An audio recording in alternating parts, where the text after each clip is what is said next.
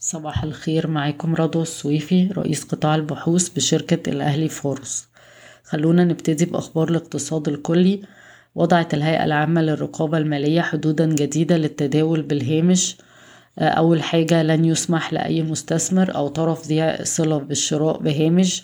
بنسبة تزيد عن 3% من القيمة السوقية للشركة أو 5% من أسهم الشركة حرة التداول أيهما أعلى؟ اتنين آه لن يسمح لأي شركة أن يكون آه الشراء بالهامش على أسهمها أكتر من 15% من إجمالي الأسهم أو 30% من الأسهم المتداولة أيهما أعلى آه قناة السويس أعلنت إنها هتزود الرسوم للعبور بالقناة بنسبة 6% اعتبارا من فبراير 2022 البنك الأهلي المصري وبنك تنمية الصادرات والبنك العربي الأفريقي الدولي بيأسسوا شركة تهدف إلى دعم الصادرات وإحلال الواردات من خلال تطوير الصناعة المحلية. مصر ترغب في تنمية قدرة الطاقة المتجددة لتغطية 42% من احتياجات الكهرباء في البلاد بحلول عام 2030 ارتفاعا من 10% حاليا.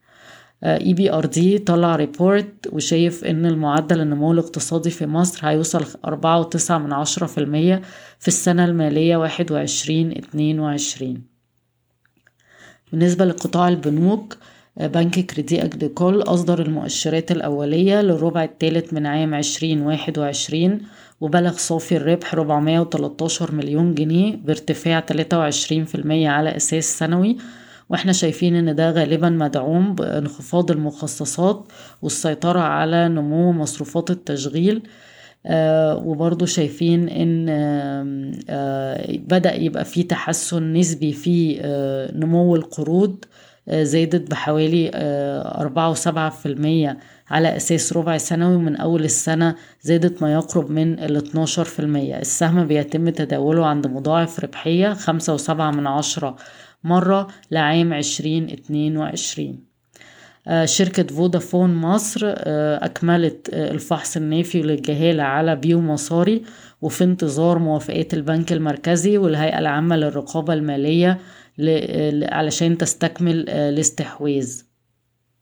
وكمان أعلنت فودافون إن محفظة الهاتف المحمول فودافون كاش عندها حصة سوقية خمسة وستين في المية مع 11 مليون مستخدم.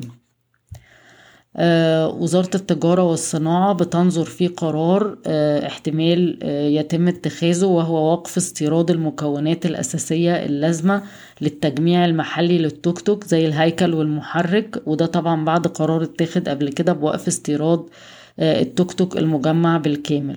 بفكركم إن التوك توك بيمثل عشرة في المية من عوائد قطاع السيارات عند GB Auto في خبر الحقيقة في الصحف المحلية بس هو خبر يعني لم يتم تأكيده أحمد عز بصدد الاستحواذ على حصة 18% في شركة حديد المصريين من أحمد أبو هشيمة. الخبر غير مؤكد ومش عارفين هل هيكون يعني أحمد عز بصفة شخصية ولا شركة حديد عز ده مش واضح وكمان مفيش أي ذكر لقيمة الصفقة. وفقا لوسائل الإعلام المحلية حقق مشروع بالم هيلز القاهرة الجديدة مبيعات بقيمة عشرة مليار جنيه مصري حتى الآن. الهيئة العامة للرقابة المالية اعترضت على القيمة العادلة لشركة أمبان Touristic Investments التابعة لشركة ريمكو وكان التقييم ده ب 347.7 من عشرة مليون جنيه وهيتم مراجعته. وزارة السياحة بتخطط لحملة ترويجية جديدة للسياحة في مصر في كل دول العالم. بشكركم ويوم سعيد.